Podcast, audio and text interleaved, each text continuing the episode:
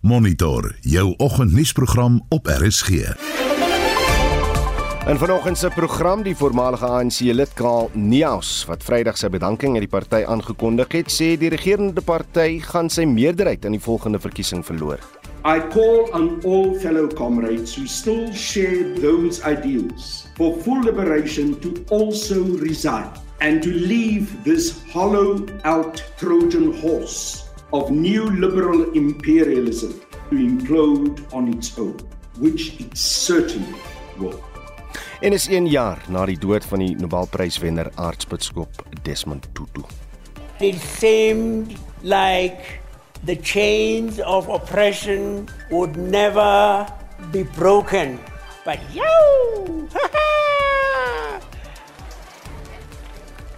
it happened!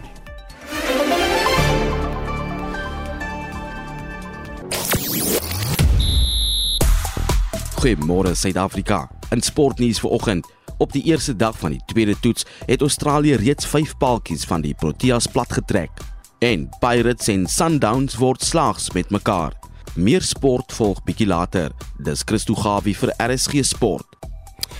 Ja, nog steeds net 5 paaltjies wat plat getrek is, 134 vir die verlies van 5 nou Jansen en Vereyne. Hulle sit om ten minste 'n uh, 50 vennootskap by mekaar, so ons sal later oor die cricket gesels.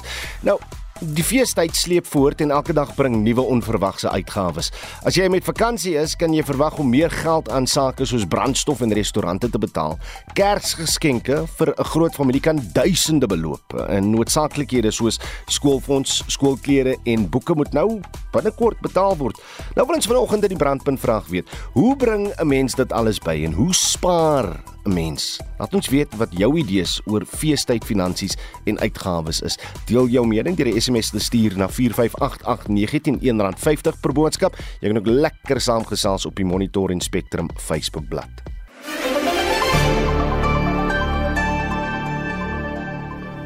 presies 10 minute oor 6. Die ANC lid of dan voormalige lid Kaal Nias het alle bande met die regerende party verbreek. Hy is vroeër uit die party geskort, 'n besluit waarteen hy geappeleer het. Nias sê hy uh, is ook nie meer 'n werknemer van die ANC. Ons praat nou met Kaal Nias oor sy bedanking en 'n paar ander kwessies. Kaal, goeiemôre. Goeiemôre. Ek hoop dat julle 'n geseënde Kersfees gehad het en nog steeds die feesseisoen geniet. Geseënde tyd en rustig. Die die ANC het jou geskort. Hoekom was dit dan vir jou belangrik kaal om uit die party te bedank? Wel, daar's twee redes werklik. Die een is 'n uh, regsrede, 'n tegniese rede dat ek appel aangeteken het En omdat ek appel aangeteken het in terme van die wet in Suid-Afrika en ook die grondwet van die ANC, beteken dit dat daardie skorsing dan op sigself opgeskort word. Dit mens sou noem dat die status quo dan behou word dat mense lid is totdat die nasionale dissiplinêre komitee vir appelle van die ANC die saak aanhoor. Nou die ANC se bestuur het besluit om hierdie wettige uh, situasie heeltemal te verbreek om ten spyte van die feit dat my lidmaatskap dus nie opgeskort kon wees terwyl ek appel aangeteken het hmm. my nog steeds uh, verhoed het om by die 55ste konferensie van die ANC teenwoordig te wees en om as 'n afgevaardigde van my tak daar teenwoordig te wees so dis die eerste rede hoekom ek appel aangeteken het Nou die tweede rede hoekom ek uiteindelik besluit het om my appel terug te trek is as gevolg van die manier waarop die ANC die bevrydingsideale waarvoor die ANC geskep is en soos ek gesê het in my persverklaring waarvoor ek by die ANC aangesluit het want Oudo, jy moet baie mooi verstaan, jy sluit nie by 'n organisasie aan en daarna ontwikkel jy 'n stel ideale. Mm jy het 'n stel ideale, jy sluit by 'n organisasie aan. Wanneer jy glo dat daardie organisasie 'n uitdrukking gee, 'n verteenwoordiging is van daardie ideale en die instrument kan wees waardeur jy jou ideale kan bevorder. Maar maar jy het by Karl jy het ook duidelik gemaak dat die ANC nie langer 'n uitdrukking is van daardie ideale nie. En en en en en Bono jy jy, jy bestempel die president uh, Ramaphosa as 'n verraaier, 'n sellout. Uh jy jy het van uh, Fikile Mbalula die sekretaris-generaal gesê he is that pompous vacuous moronic windbag. Uh, jou verhouding met die ANC het, het natuurlik nou tot 'n einde geloop omdat die mense wie aan bewind is nie meer in jou mening daai ideale volg nie. Presies. Hulle volg nie meer daai ideale nie. Hulle het daardie ideale verkrag en as gevolg daarvan het dit vir my onmoontlik geword om deel te bly van die ANC. Ek stel dit duidelik in my verklaring dit is nie dat ek van die ANC af weggeloop het nie, maar die ANC op die manier wat hulle hierdie ideale verkrag het van my weggeloop. Hoe hoekom hoekom sê Ramaphosa is 'n verraaier? Soos jy sê 'n sellout. Dan as jy gaan kyk na die ideale van die ANC vir die algemene bevryding van ons mense, veral ook die ekonomiese bevryding. As jy kyk na die besluite wat by die 54ste konferensie van die ANC as amptelike beleid geneem is vir radikale ekonomiese transformasie, dan sien jy dat Ramaphosa niks van hierdie besluite uitgevoer het nie. Hy volg 'n neoliberale ekonomiese beleid wat aanklank vind by die westerse imperialistiese lande en magte en hy verkrag daardie ideale waarvoor die ANC in 1912 in die eerste instansie geskep is. En onder hierdie omstandighede bereik mense 'n punt waar jy uiteindelik moet sê hiertoe en nie verder nie. Die, die, nou, ek kan jou verseker. Die, die man wat jy ondersteun. Nie vinnig geneem. Die man wat jy ondersteun. Jare geneem om hier uit te kom. Die voormalige president, die man wat jy ondersteun, Jacob Zuma, hoe hoe het hy dit reg gekry? Hoe het hy dit gedoen? Wel, kyk, niemand van ons, insluitende president Zuma, ek weet julle sal nou vir my wil sê ja, maar jy kan nie sê Zuma het nie sy foute nie. Natuurlik het hy foute gemaak.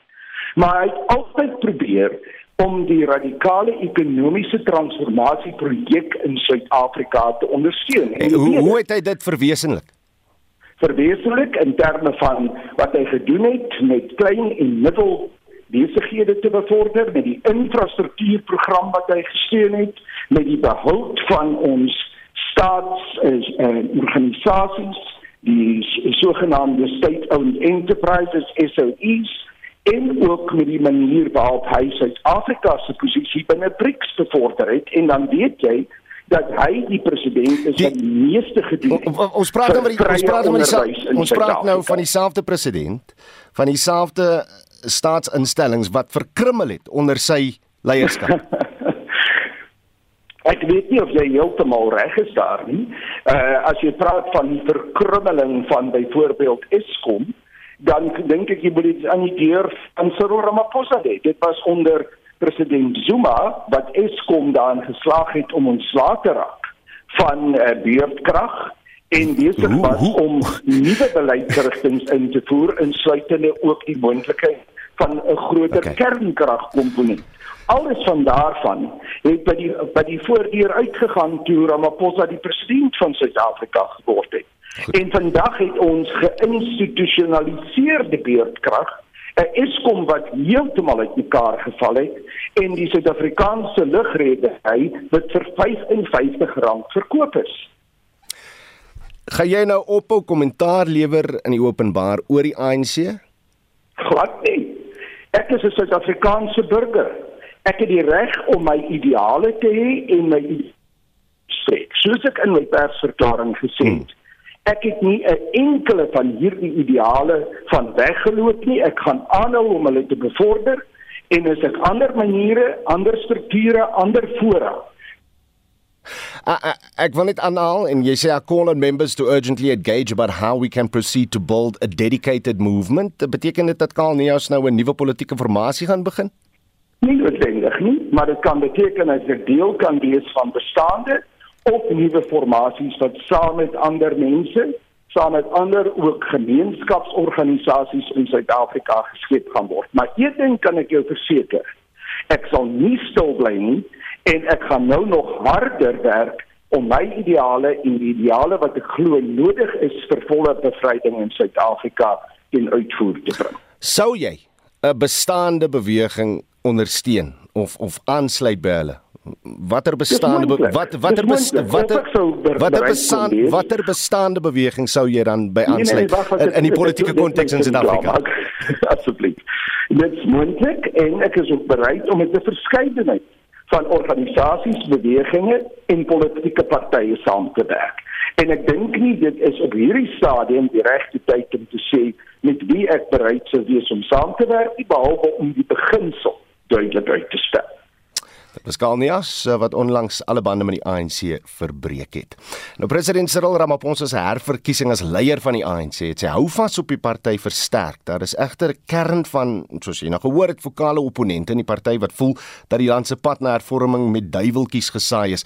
Aan die ander kant is daar ook senior figure in die uh, nuwe NK, soos Gwedi Mantashe, Fikile Mbalula en Gwendra Maghopa, almal sterk Ramaphosa bondgenote. Vir meer oor hierdie kwessies praat ons nou met die politieke joernalis en ontleder Janjan Uber. Janjan, goeiemôre. Goeiemôre Oudo, wat 'n lekker onderhoud het ek nou nog geluister tussen jou en Kaal Neels. Wat wat staan vir jou uit in daai onderhoud? Janjan. Um wel die feit dat meneer Neels um inderdaad nie gaan stil bly nie is seker vir niemand 'n verrassing nie en die feit dat hy en die ANC uitmekaar gedryf het, sou ek een van my kollegas aanhaal wat sê, jy weet hulle het nooit in elk geval iets goeds oor mekaar te sê nie, so dis miskien maar beter dat hulle baie hmm. uiteenloop. Hmm. Uh, wat dink jy gaan iemand soos Kalnias nou doen? Nee, wel jy die beste poging denkbaar um aangewend om te probeer uitvind en dis slegs 'n meneer Niels se kop wat hy weet wat hy volgende gaan doen. Ek dink um 'n mens sal moet kyk Ek dink hy sit in die penarie wat baie van die RET faksie in die ANC mee sit en dit is dat hulle 'n massiewe loosing op die lyf geloop het waaroor ek reken ons binnekort sal gesels in die NK verkiesing. Ek dink ook terselfdertyd wil ek sê dat luisteraars en almal van ons moet pas op vir 'n jy het nou net gesê op pad met duiweltjies of duiweltjies hmm. besaai vir 'n duiweltjie um genaamd um Schadenfreude waar jy jou in 'n ander mens se leed uh verlustig. Hmm. Uh ek dink dit was meneer Neus wat 'n uh, trotse geskiedenis in die bevrydingsbeweging het waar hy werklik waar baie opgeoffer het en in die tronk was en daar baie swaar gekry het hy en sy destydse vrou. Um dat dat 'n mens moet uh dit in ag neem ook en dan vir mekaar sê miskien werk dinge nie altyd uit soos mens hmm. wil in jou lewe nie en dit het sekerlik dan nou ook so vir hom gebeur. Jan Jan, as ons een afleiding kan maak na die ANC se kieskonferensie, is dit dat die Ramaphosa faksie in beheer is, dat die RET faksie en alle ander faksies eh, basies nou stil gemaak is, maar vir hoe lank en en hoe bestaan daai figure nog steeds aan die skadu's van die ANC?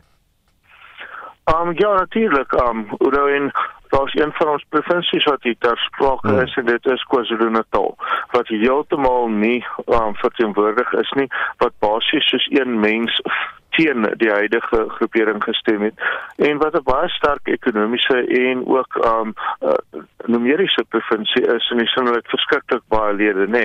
En uh, wat nou in die ANC is. En dit gaan interessant wees om te sien hoe dit hanteer word. Terselfdertyd is die ANC in KwaZulu-Natal besig om agteruit te boer. Ons het gesien dat daai wijk 99 uh, tussenverkiesing waaroor ek en jy so 'n paar weke gelede gepraat het um toe nou inderdaad op op op 'n drafstap deur die Inkatha Vryheidsparty gewen is in 'n gebied wat glad nie in die verlede 'n uh, Inkatha gebied was nie. So uh, ek dink dit gaan 'n interessante situasie wees hoe dat ek sê dit net daar buite. Gestel die ANC kom onder 50 in die nasionale verkiesings soos dit verwag word. Hmm. Inkatha doen goed in KwaZulu-Natal maar nie goed genoeg om te wen nie. En dan moet 'n besluit geneem word. Dan sit net Ramaphosa met die ANC KwaZulu-Natal wat in elk geval nie kan beheer nie. Hmm. Dan sit 'n lekker deal vir hom om hulle in te trek nasionaal om oor 50 te kom in die provinsie vir hulle te gee. Net 'n moontlikheid. Baie interessant inderdaad. Ons los hom daar Jan Jan Uber. Baie dankie vir jou menings hier op Monitor. Is natuurlik die politieke joernalis en ontleder Jan Jan Uber. Ehm um, en alles dui daarop dat daar wel nog vokale opponente is van die ANC president, maar dat hulle tans in beheer is. Gaan interessant wees om te sien hoe daai proses homself uitspeel hoe nader ons aan die, die volgende nasionale verkiesing beweeg. Die Landbouvereniging Agri SA het die minister van Finansies Enoch Godongwana om bykomende kortings op die prys van diesel en petrol gevra. Die organisasie sê in 'n brief aan die minister dat brandstof vir kragopwekking te midde van beerkrag baie duur geword het en dat boere sukkel. Ons praat nou met die bestuurshoof van Agri SA, Christo van der Rede. Christo, goeiemôre. Goeiemôre en goeiemôre aan al die luisteraars. Praat net 'n bietjie met met ons oor watter invloed beerkrag op ons boere het. Ek dink die impak van uh, beerkrag is absoluut uh, destruktief. Uh, ons sien dat boere geweldig baie moet spandeer op diesel om hulle eie krag op te wek. Uh, die impak daarvan op besproeiing, die impak daarvan op prosesering en op feitelik alle aspekte van van die landbousektor is is eh uh, is, is onbekostigbaar op hierdie stadium. En ehm um, dit dit gee gesukkel af op plase. Die die prys van diesel help ook nie Christo. Nee, eh uh, kos as ons net kyk na wat die diesel gekos in 2015 10 rand per liter. Eh uh, dis nou ek dink oor die 24 rand. Eh uh, sedert verlede jaar eh uh, die koste van diesel amper met eh uh, 25 tot 30% gestyg. So eh uh, dit dit dit bring geweldige koste druk mee eh uh, wat 'n uh, geweldige impak het op op die winsgewendheid van landbou. En dit is waarom ons dan skrywe gerig het aan aan aan die minister om verligting te bring. Wel, hoe hoe verwag julle dat daar verligting gebring kan word? Dit daar's 'n paar maniere. uh, Boere kry reeds 'n uh, uh, diesel uh, rabat uh, op uh, uh of 'n rabat op diesel ehm um, uh, jy weet in terme van landbouproduksie. Hmm. Uh, maar ons vra dat uh, hierdie uh, rabat ook oorweeg moet word op die aankoop van diesel vir uh, kragopwekking. Uh, want dit is ons onafhanklik dat die uh, landbousektor gepenaliseer word as gevolg van Eskom se uh, se onvermoë om krag op 'n voltydse basis aan die landbousektor te voorsien. Is daar enige ander manier waar die regering tot tot julle julle hulp kan kom? Onthou ons het ook um, geweldige stygings gesien in in uh, rentekoerse die afgelope 2 jaar, uh, rentekoers op met 200 basispunte. Uh vir skepingskoste uh, het geweldig gestyg. Ek wil net praat van verpakkingskoste sien. En dan uh, daarmee saam met ons ook 'n uh, geweldige stygings gesien in 'n uh, minimumloone die afgelope paar jaar. Hmm. So al al hierdie kostes uh, plaas sig daar uh, die landbousektor wat 'n uh, kritieke rol speel in terme van voedselvoorsiening onder geweldige druk. So daar's uh, ek het reeds genoem van 'n rabat op diesel, oh. maar ek dink uh, die regering sou ook ander uh, insentiewe moet oorweeg uh, om die landbousektor by te staan en uh, van dit wel stok uh, um, die uh, belastingverligting uh, as ook ander forme van van uh, intervensies ons het gevra in die brief om met die minister in gesprek te tree om te kyk weet watter opsies kan oorweeg word. Het al gereageer op julle brief? Nee, nog nie. Ek dink uh, almal hou vakansie op hierdie stadium, maar uh, ons het uh, soos ek dit gesê, die skrywe gerig, maar ons is ook besig om met 'n mediaveld tog groter bewustheid veral by uh, politici, by regering en by ander instellings teweeg te bring want ons sit met 'n krisis. Uh, ek weet nie hoe die boere dit gaan oorleef in die nabye toekoms nie. Dit was die bestuurshoof van Agresa, Christo van der Rede. Daar word 'n afname in feestydbesteding verwag. Volgens die finansiële maatskappy Wonga sal Suid-Afrikaners meer as 226 miljard rand hierdie feesseisoen bestee. Dit klink baie, maar dit is 11% minder as verlede jaar. Boonop sê 38% van Suid-Afrikaners dat hulle finansiëel slegter daaraan toe is. Ons praat met die ekonomiese raadgewer van die Optimum Beleggingsgroep, Dr. Rolof Botha. Rolof, goeiemôre. Goeiemôre julle. Ons word elke jaar gewaarsku om om nie ons finansies oor die feestyd uit te put nie, maar ons luister nie eenvoudig nie. Hoekom is dit die geval dink jy? Ja, ek kan net dadelik sê dat uh, die bedrag wat uh, nou net deur jou genoem is, nou is spekulatief, dit is vat nie finaal nie. Hmm. Ons sal nie weet wat die feestyd uitgawes was voor omtrent as ek nou met skat volgens statistiek is as 'n uh, rooster eers hierso teen middel Februarie. So dit is bloot spekulatief. Hmm. Indien 'n mens gaan kyk na die aanloop tot die feestyd uitgawes soos wat dit genoem word. En, en dit is uh, jou jou aanwyser wat mense aan moet dophou. Is groothandelverkope. Hmm. Die groothandelverkope in September was in reële terme 25% hoër as 'n jaar gelede. So ek wil nou uh, nie sê die mense praat twak nie, mm, mm. Uh, maar ek ek dink hulle uh, gryp na syfertjies. Ja, ek sal graag wil weet waar hulle hulle bronne vandaan kry. Maar kom ons kom by die werklike harde werklikheid is, soos Christo van der Here nou net uh, uitgelig het, is dat ehm um, nie net die landbousektor nie, maar verskeie ander sektore in die ekonomie is onder geweldige druk. Uh die wat afhanklik is van uh besteding deur verbruikers uh, ek is bly hy het genoem van die rentekoersverhogings wat totaal en al onnodig was. Hmm. Ek is ook bly Christo het genoem van die skeepsvragtariewe en ek kan net die syfer daarso bevestig. Tussen September 20 uh 19 en September 2021 het skeepsvragtariewe hmm. met 800%. Ek gaan dit herhaal, 800% gestyg. En dit is die hoofrede waarom die hele wêreld sukkel met hoë hoë inflasie. Nie olie nie, nie die prys van olie nie. Mm, mm. Dit is die prys self van die koste daarvan om olie van van Jeddah af tot in Kaapstad te kry. Dit is die probleem. Die goeie nuus vir die luisteraars is dat daardie prys van van uh, 40 uh, voet vraghouer wat gestyg het van 1200 dollar na 10400 dollar. Het nou afgekom na omtrent 3000 dollar en hy sak soos 'n klip. Mm. Inflasie gaan hierdie jaar baie vinnig sak, maar onder hierdie omstandighede was dit nie nodig vir die reservebank om nou addisionele druk op verbruikers te plaas nie. En 'n baie baie interessante en 'n baie belangrike um, stukkie inligting wat ek beplan om baie verder te voer, is die feit dat die totale waarde van kredietverlening in ons ekonomie wat die laaste klompe jare hier by 2 trilljoen rand rond, bietjie hmm. meer, bietjie meer wissel, is vandag minder as wat dit was 10 jaar gelede. 10 jaar gelede. En dit is uh, onder hierdie omstandighede volgens my en daar's dis dis nou baie diplomatisiese woord mm. roekeloos vir die reservebank om te gaan staan en blindelings rentekoerse te verhoog net omdat inflasie verhoog en ek wil net vir luisteraars 'n ja. baie interessante stukkie data gee toe wyle Dr. Christos 'n voormalige president van die reservebank vir wie goed geken het toe hy besluit het om die reservebank gaan nou hierdie inflasie teiken sê van tussen 3 en 6% was dit baie duidelik gestel twee aspekte is belangrik hierso hierdie 3 tot 6% kan aangepas word. Dit is nie in sement gegiet nie. Hmm. Nommer 1, nommer 2. Die Reservebank se se mandaat en missie en doelwit uh, afgesien van sy sy uh, administrasie van die bankwese uh, waar hy op uit, uiters goeie werk verrig. Uh, maar die beleid betref uh, is is dit pateties want hulle moet nie net inflasie probeer bekamp nie. Hulle moet ook ekonomiese groei probeer aanwakker. Dit is presies dieselfde missie standpunt van enige sentrale bank in die wêreld. En hulle steep hierdie laasgenoemde een heeltemal af.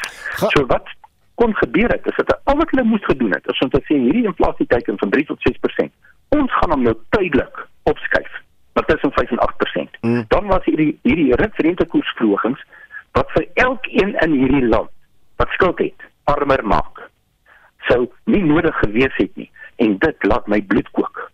Ga, gaan ons sien nou 2023 betree as 'n jaar waar ons rentekoerse gaan sien daal op 'n konstante basis nie. Ongelukkig ehm um, ek het genoeg agtergrond van die monetêre beleidskomitee van die Reservebank se lede om te besef dat uh, hulle die uh, hulle vertoon 'n goeie uh, begrip van die oorsprong van inflasie, die aard van inflasie, die oomblik nie.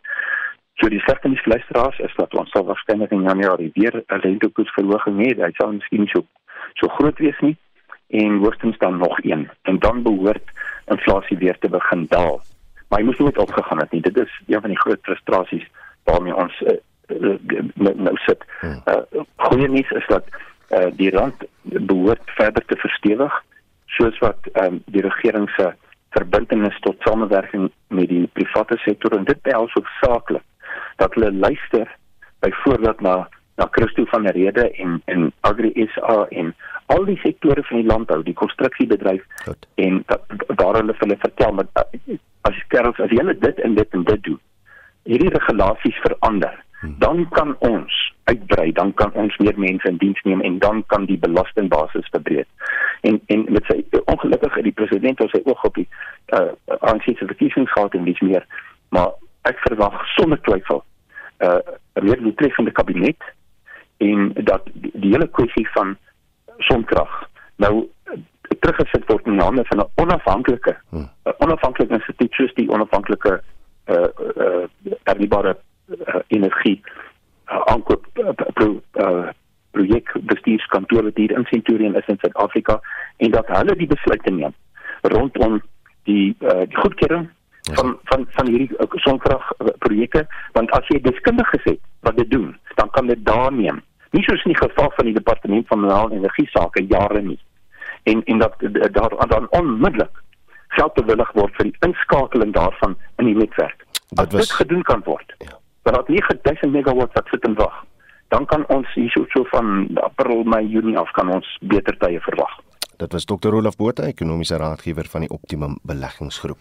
Dit was 'n stil Kersfees vir gesinne wat hul geliefde Saterdagoggend verloor het na 'n gastenk eh, in eh, Boksburg en Ekurhuleni ontplof het. Justin Kennedy is in die ateljee eh, en praat nou daaroor. Môre Justin. Môre Udo en ja, die dodestal staan tans op 15. Ons verslaggewer Paul Magubane het gister die toneel besoek en met Rosetta Brits gepraat wat vier van haar kinders, Jamal Eagles, Sebastian Brits, Adrian Brits en Gerry Brits in die ontploffing verloor het. It's bad. I, I can't even say if I'm coping because really my kids they are they were my life. I was only living for my kids. And it now there's only three left in my life. I'm I'm this I'm I can't how I can't say is my heart is in pieces. I don't know if my heart will grow right anymore because my heart is in pieces. Nou Gerald geduld moes video's op sosiale media sien van sy verkwelde seun wat hom hulp vra terwyl sy vrou wat ook erg gebrand het agter hom kniel. Son Janelle Gedult had passed away. He was the one on that uh, clip that went viral. he was asking for help um, and he was turned away by the one that was taking the video. He eventually was taken to hospital by uh, um, a complete stranger, very kind man. Um, I'm still trying to locate my wife that was actually seen crouching on her knees there um, behind him. Um, we haven't heard anything about her, so I'm a bit of a distraught father. Um, I was not around yesterday. I was out in Pumalanga. So when I heard the news, uh, it was uh, it put me in a state, and there's obviously reality setting in right now. So it's a bit of a tough situation, not knowing where the wife is. Uh, very sad about my son. It's uh, a friend that I've lost for life now. Nou drie van die oorledenes was personeellede van die Tambo Gedenk Hospitaal. Die minister van Gesondheid, Jou Pagla, het gister die media toegespreek. So far uh, 13 members of staff are amongst those who, who, who have suffered the injuries. Three of those who passed away uh, are staff members of this hospital. Amongst them is a driver and two enrolled nurses who were severely burnt uh, during this incident.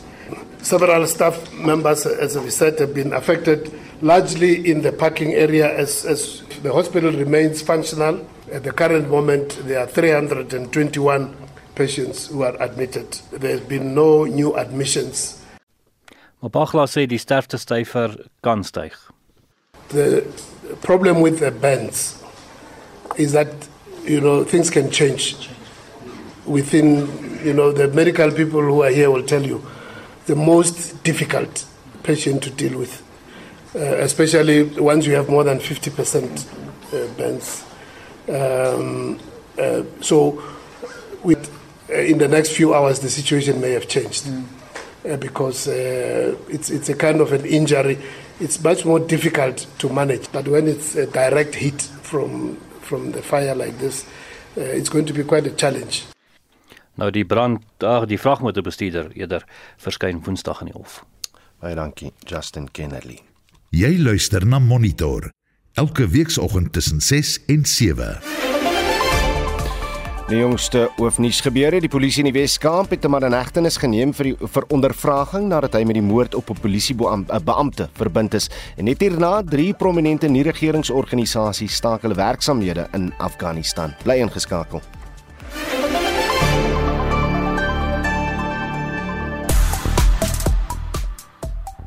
Dit is nou tyd vir die jongste sportnuus en Christo Gawie sit slag gereed. Christo, goeiemôre. Goeiemôre Oudo, goeiemôre luisteraars. Ja, die uh, Suid-Afrikaanse kolwers bietjie weer teleurstellend vandag op dag 1 van die tweede toets teen Australië.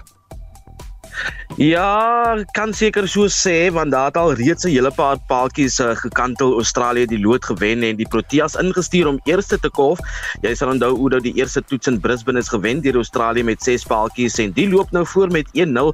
Die Proteas het die sessie net begin geniet uh, tot net voor middagete toe die telling op 58 vir 2 was wat die paaltjies begin kantel het. Die openingskolwer Sarel RW is vir 18 van 31 balle uitgehaal toe hy deur Kawaya gevang is Dean Elgar het stewig gelyk voor 'n briljante direkte gooi om deur Marnus Labeskagni uitgehardloop is. Dit was merkwaardig die eerste keer dat Elgar in sy 80 toetswedstryde uitgehardloop is en die jongste telling eh, tans is 148 eh, vir 5 na um, 52 bilbeerte. David Warner ook is die 14de speler wat speel in sy 100ste wedstryd vir Australië. Die beslissende wedstryd word in Sydney vanaf die 4de Januarie gespeel en soos ek gesê het, die jongste telling 148 vir 5 op die tellbord vir Suid-Afrika tans. Reg, kom ons praat 'n bietjie rugby. Die Stormers het geseëvier in hulle Kersderby teen die Bulls. Hulle het hulle self die beste denkbare Kersgeskenk gegee toe hulle Vrydag aand na die VK punteleer top van die Suid-Afrikaanse spanne gevorder het met 'n klopsege van 37-27 oor hulle aardsvyande die Bulls. Nou nagenoeg 30000 toeskouers het uh, hierdie Noord-Suid derby bygewoon waar die Stormers uh, 4-3 insluitende straf 3 teen die Bulls se 3-3 ingeryg het. Die Stormers het 'n hele 5 punte in die sakkie uh, gesit na die kragmeting en is nou ja heel bo aan die punteleer van die Suid-Afrikaanse span spanne. Tweede algeheel met 39 punte. Die Bulls is nou vierde met 34 punte. Die Sharks wat nou 6de is, het die Lions eh, wat 7de op die punteleer is in Durban oortuigend geklop met 37-7. Saterdagmiddag eh, sê die Bulls en die Sharks mekaar die stryd aan terwyl die Stormers en die Lions sake die aand 7 uur sal uitspook. En die DStv Premier League is nou amper amper reg vir sy terugkeer, né? Nee? Ja, byna byna Udo Sundowns wat bo aan die die Premier Liga is, hulle sal hulle ligaveld tog hervat wanneer hulle Pirates Vrydag middag by die Lofte Stadion die stryd sal aansê. Normaalweg sal sokkerspelers hierdie tyd van die jaar op 'n blaaskans wees, maar hierdie keer sal die gesinsbyeenkomste egter met plaaslike sokker gepaard gaan. Die Buccaneers het uh, Masandawana uh, heeltemal oortref in die halfeindronde van die MTN 8 toe hulle hulle in die tweede been met 3-0 geklop het en hierdie kragmeting tussen Sundowns en Pirates Vrydag aand begin 04:30 die middag. Asai, dis Christo Gawie daar van RSG Sport. Thank you. Die feestyd sleep voort en elke dag bring nuwe onverwagse uitgawes. Jy het nou geluister na ons kenners wat gepraat het oor hoe ons wel kan uh, spaar hierdie feesgety. Uh maar noodsaaklikhede soos skoolfonds, skoolklere en boeke, dit moet nou binnekort weer betaal word en nou wil ons net vanoggend weet hoe bringe mense dit alles by en hoe spaar jy? Laat weet ons wat jou idees oor die feestyd finansies en uitgawes is op Facebook sê Engela Haker, koop maar vroegtydig al al jou geskenkies so deur die jaar. Dit maak sake baie makliker en spaar baie tyd. Winkels is te oorvol en lyne is soos die N2 uh baie gepak. Uh, Sandra Derubey sê keep it simple. Ons is nie uitspattig nie en vandag se ete was eenvoudig maar lekker. Stefan van Heerden sê uh, ja, en die wat nie geld het nie, hoe nou? RSG. Ja, ten volle verstaan ons die sentiment daar. Bets Ferreira sê ek koop geskenkies deur die jaar. Ons kuier Kersdag by die kinders. Elkeen bring 'n gereg en deel die werk en kostes. Ons eet lekker maar hou by 'n een eenvoudige, smaaklike ete. Deel jou mening deur die SMS te stuur na 4588919 R50 per boodskap en jy kan ook soos hierdie luisteraars lekker gesels uh, saam met ons op die Monitor en Spectrum Facebook bladsy.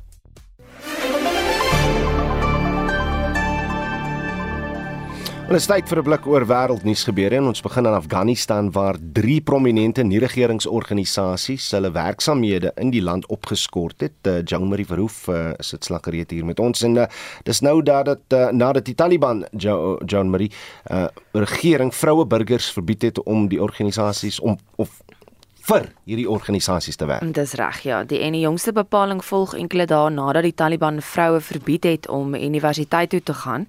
Die drie organisasies, Care International, die Noorse Vlugtelingeraad en Save the Children, het in 'n gesamentlike verklaring gesê hulle kan nie sonder vroue personeel voortgaan met hulle werk nie.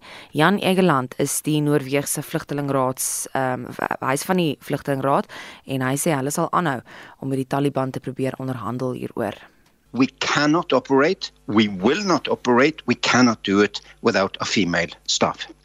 Uh, of course, we are going to work province by province with central government, with with all that we can reach out to within the Taliban government and within those who can influence the Taliban and say this has to be reversed. En dan is daar verwikkelinge in die ondersoek na die dood van die Ierse soldaat Sean Rooney. Rooney is op 14 Desember in Beirut in Libanon dood nadat die gepantserde VN voertuig waarin hy gereis het aangeval is. Die dorp waar Rooney vermoor is, is 'n vesting van die Iraanse gesteende Hezbollah beweging. Die BBC berig dat een mens in hegtenis geneem is. Hier is 'n verslaggewer Kat Wiener.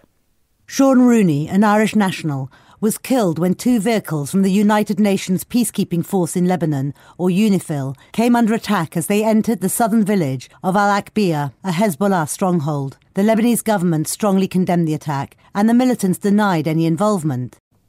En in Amerika en Kanada kan sowat 38 sterftes aan die ernstige arktiese vriespunt gekoppel word. Ja, hulle waarskyn al 'n rukkie oor hierdie ysige koue, maar in Amerika in 4 is 34 mense dood en in Kanada is 4 mense dood nadat 'n bus op 'n ysige pad by Merritt gerol het. Duisende vlugte is gekanselleer wat honderde gesinne verhoed het om Kersfees met hul geliefdes te spandeer. Hier is nog 'n BBC verslaggewer, Nomia Iqbal. Forecasters had warned for days that a bomb cyclone, when atmospheric pressure drops very quickly in a strong storm, would turn the Christmas holiday into a deep freeze. It unleashed its full fury on the city of Buffalo in New York State, with hurricane force winds and snow causing whiteout conditions of a historic nature. En dis die stem van die BBC se Nomia Iqbal. Jean Marie Verhoef daar met 'n oorsig van internasionale nuus gebeure. Ons bly in die buiteland want Noord-Korea ontken dat hy wapens aan 'n Russiese militêre kontrakteur, die Wagner groep, verkoop het. Amerika het vroeër beweer dat Noord-Korea missiele aan Wagner verskaf het om in Oekraïne te gebruik. Hierdie nuusbrokkie het 'n bietjie lig gewerp op die rol wat militêre kontrakteurs in konflik speel. Ons praat nou daaroor met professor A, professor Abel Estreise van die fakulteit krygskunde aan die Universiteit van Stellenbosch. Abel, goeiemôre. Goeiemôre, Ina. Voor ons by Wagner uitkom, wat is die jongste wat dit die oorlog betref? Ons verstaan daar word nou selfs vroue gevangenes in Russiese tronke gewerf om in Oekraïne te gaan veg. Ja, daar's 'n desperaatheid aan die kant van die Wagner groep om personeel te kry om te benut in die oorlog. Rusland se demografie lyk nie baie goed nie in Rusland uh op 'n snaakse manier ehm um, het 'n geweldige tekort aan personeel op die oomblik om op te roep om in die oorlog te gebruik. Ehm um, jy weet en en dit dit sit nie baie goed en dit is nie uh belyn met die Russiese wyse van oorlog wat baie attritionisties van aard is en baie steun op die gebruik van mannekrag nie. En dan is Putin boonop uh, ontevrede met verlede of, of verdere miljarde dollar wat die weste in die Oekraïne inpomp. Uh, as ons so kyk na na die ondersteuning aan Oekraïne, wat, wat is die kans dat Amerika nou meer direk by hierdie oorlog betrek sal word? Wel, ek dink daar's drie kritiese faktore op die oomblik. Die een is die die westerse steun aan die Oekraïne. Ehm um, en die steun blyk op te tel eerder as om te taan. Dan is daar die die die storie rondom die taktiese situasie op die front op die oomblik wat uh, vir Rusland nie baie goed uh, lyk nie vanaf die gevegte rondom Kiev, Kharkiv, Severodonetsk, Kherson en nou Bakhmut ehm um, is die verhaal van Russiese uh gevegstoestande en en Russiese prestasies op die slagveld uh nie baie goed nie. En dan derdens is daar die ehm um, oorwoë poging van strategiese bomwerking werping deur die Russe. Die die missielveld tog waarmee hulle op die oomblik besig is en wat hulle hoop ehm um, die Oekraïne se ekonomie en infrastruktuur so sal vernietig dat hulle Oekraïne daardeur tot oorgawe sal dwing. Hmm. En ons kyk natuurlik vanoggend meer spesifiek na hierdie kontrakteurs wat betrokke is by oorlog. Die, die wagnergroep waarvan ons vanoggend uh praat, uh waar, waarvan ons melding gemaak het in die inleiding. Wie presies is hulle? Wel, uh, miskien moet ons net 'n tree teruggee en en kyk na die die aard van ehm um, privaat veiligheidskontrakteurs en privaat militêre organisasies. En op die oomblik sit ons met met drie tipe modelle in in die wêreld. Die eerste model is die tipiese huursoldaat model wat ons baie keer in Afrika gekry het ehm um, wat organisasies soos Blackwater en Executive Outcomes wat eintlik onafhanklik van regerings uit en uit vir finansiële doeleindes ehm um, onafhanklik uh, gaan veg. Dan is daar die model van uitkontraktering uh, waar tipies privaat veiligheids en sekuriteits ehm um, agentskappe, jy weet, funksies wat tipies deur die polisie en die weermag verrig word ehm um, uitgekontrakteer word aan hierdie organisasies. Nou sien dit baie in Suid-Afrika waar privaat veiligheidsmaatskappye byvoorbeeld die die die rol oorneem van die polisie, 'n baie markgerigte model waar dit uitern uitgaan rondom wie kan vir ons die werk op die goedkoopste manier doen. En dan is daar die Russiese model, uh, wat 'n baie interessante model van privaat veiligheidsmaatskappye is omdat dit in alle opsigte eintlik maar 'n verlengstuk is van die sekuriteitsapparatuur van ehm uh, van Rusland uh en eintlik direk getaak word deur die veiligheidsbesluitnemingsstrukture van die land. Met ander woorde, hulle resorteer eintlik direk onder die die die Putin uh, administrasie en besluitnemingsmodelle behalwe dat hulle dan nou uh, opereer in in terme van 'n privaat veiligheids uh, instelling. Ehm um, En en die Russiese model is baie interessant juis omdat dit so 'n belangrike rol nou speel uh, in die oorlog in die Oekraïne, maar maar ook in die res van die wêreld. Salom daar moet los. Dit was professor Abel Estreise van die fakulteit Krygskunde aan die Universiteit van Stellenbosch. NASA se landingsstyg Insight het sy laaste asem uitgeblaas na 3 jaar se werk op die rooi planeet. Die Amerikaanse ruimteagentskap het kommunikasie met Insight verloor kort na die boodskap wat op Twitter gedeel is: "My power's really low, so this may be the last image I can send. Don't worry about me though. My time here has been both productive and serene. Thanks for staying with me." Nou dit is die laaste boodskap, maar hulle het verseker meer besonderhede. Insight is op 5 Mei 2018 gelanseer en het Mars bereik op 26 November van dieselfde jaar na 'n reis van 458 miljoen kilometer. Maar wat was die landingstuig se doel? Ons het gaan kers opsteek by Pieter Kotse, 'n buitengewone professor verbonde aan die Noordwes Universiteit se sentrum vir ruimtenavorsing. Sy hele doelwit was eintlik gewees om 'n uh, ondersoek te doen van die kors of die grondstruktuur en dan ook terselfdertyd te sien wat is die hittevloei vanuit die binneste gedeelte van 'n Mars na die oppervlakte toe om vas te stel of Mars nog iewers binne in sy binneste gedeelte 'n gesmelte kern het van magma en dan ook om Mars bewings op te tel. Dit was wat ons noem aardtrillings of aardbewings.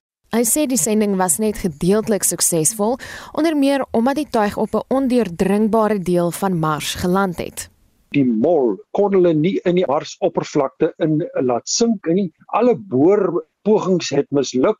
Daai deel van die uh, eksperimente het eintlik totaal en al nie die resultate opgelewer wat dit beplan was om op te lewer nie. Daar was nog heelwat sukses wat seismiese toetse betref. 'n Paar maande gelede het hulle selfs 'n ongelooflike hoë intensiteit telling opgetel wat hulle toe kon naspeur na 'n meteoriet wat 'n paar honderd kilometer daarvandaan op Mars neergestort het. Omdat om Mars nog steeds 'n wentel satelliete is in 'n wentelbaan, kon hulle die impak van die krater raak sien, dit identifiseer en onmiddellik dit korreleer met die trillings wat hulle op Mars opgetel het. En dit was een van die hoogste intensiteitstrillings tot dusver toe nog wat op Mars teëgekom het. Insight se ondergang was heel moontlik sy afhanklikheid van sonpanele op hierdie stadium en in hierdie tyd van Mars se seisoen is daar groot stofstorms aan die ontwikkel en die vermoede bestaan dat van hierdie stofpartikels nou op die sonpanele te lande gekom het en so die afskerming begin doen het dat daar nie genoeg krag kon opgewek word nie en éventueel wat dit nou lyk verby te wees is dat hierdie tuig nou vaarwel toegeroep het. En nou word die landingstuig net daar gelos. Dit kan eintlik maar op 'n skou word éventueel as Mars rommels. Daar gaan nie veel gedoen word om dit uh, te herwin nie. Dit is nie die moeite werd nie, maar vir toekomstige projekte sal hulle probeer om te leer uit die foute wat hulle gemaak het. Veral nie met hierdie hitte profiel wat hulle wou gemeet het dieper onder die oppervlakte nie, want hulle het beplan om ongeveer 'n meter na 2 meter diep te boor Dit was Pieter Kotse, 'n buitengewone professor verbonde aan die Noordwes Universiteit se sentrum vir ruimtenavorsing. Marlene Forsie, SAK nuus. Aartsbiskop Desmond Tutu is 'n jaar gelede in die ouderdom van 90 oorlede. Ons praat nou met 'n ou vriend en kollega wat onder andere saam met hom op die Waarheids- en Versoeningskommissie gedien het, professor Piet Meyering. Prof, goeiemôre. Môre Oudo, dis baie lekker om met julle te gesels. Lekker om jou hier met ons te hê. Sê my julle het 'n het 'n hegte verhouding gehad, nie? Ja, ons het seker vir 50 jaar vriende gewees en op allerlei maniere saamgewerk. Wat maak dat mense nog al die tyd vreeslik baie mis.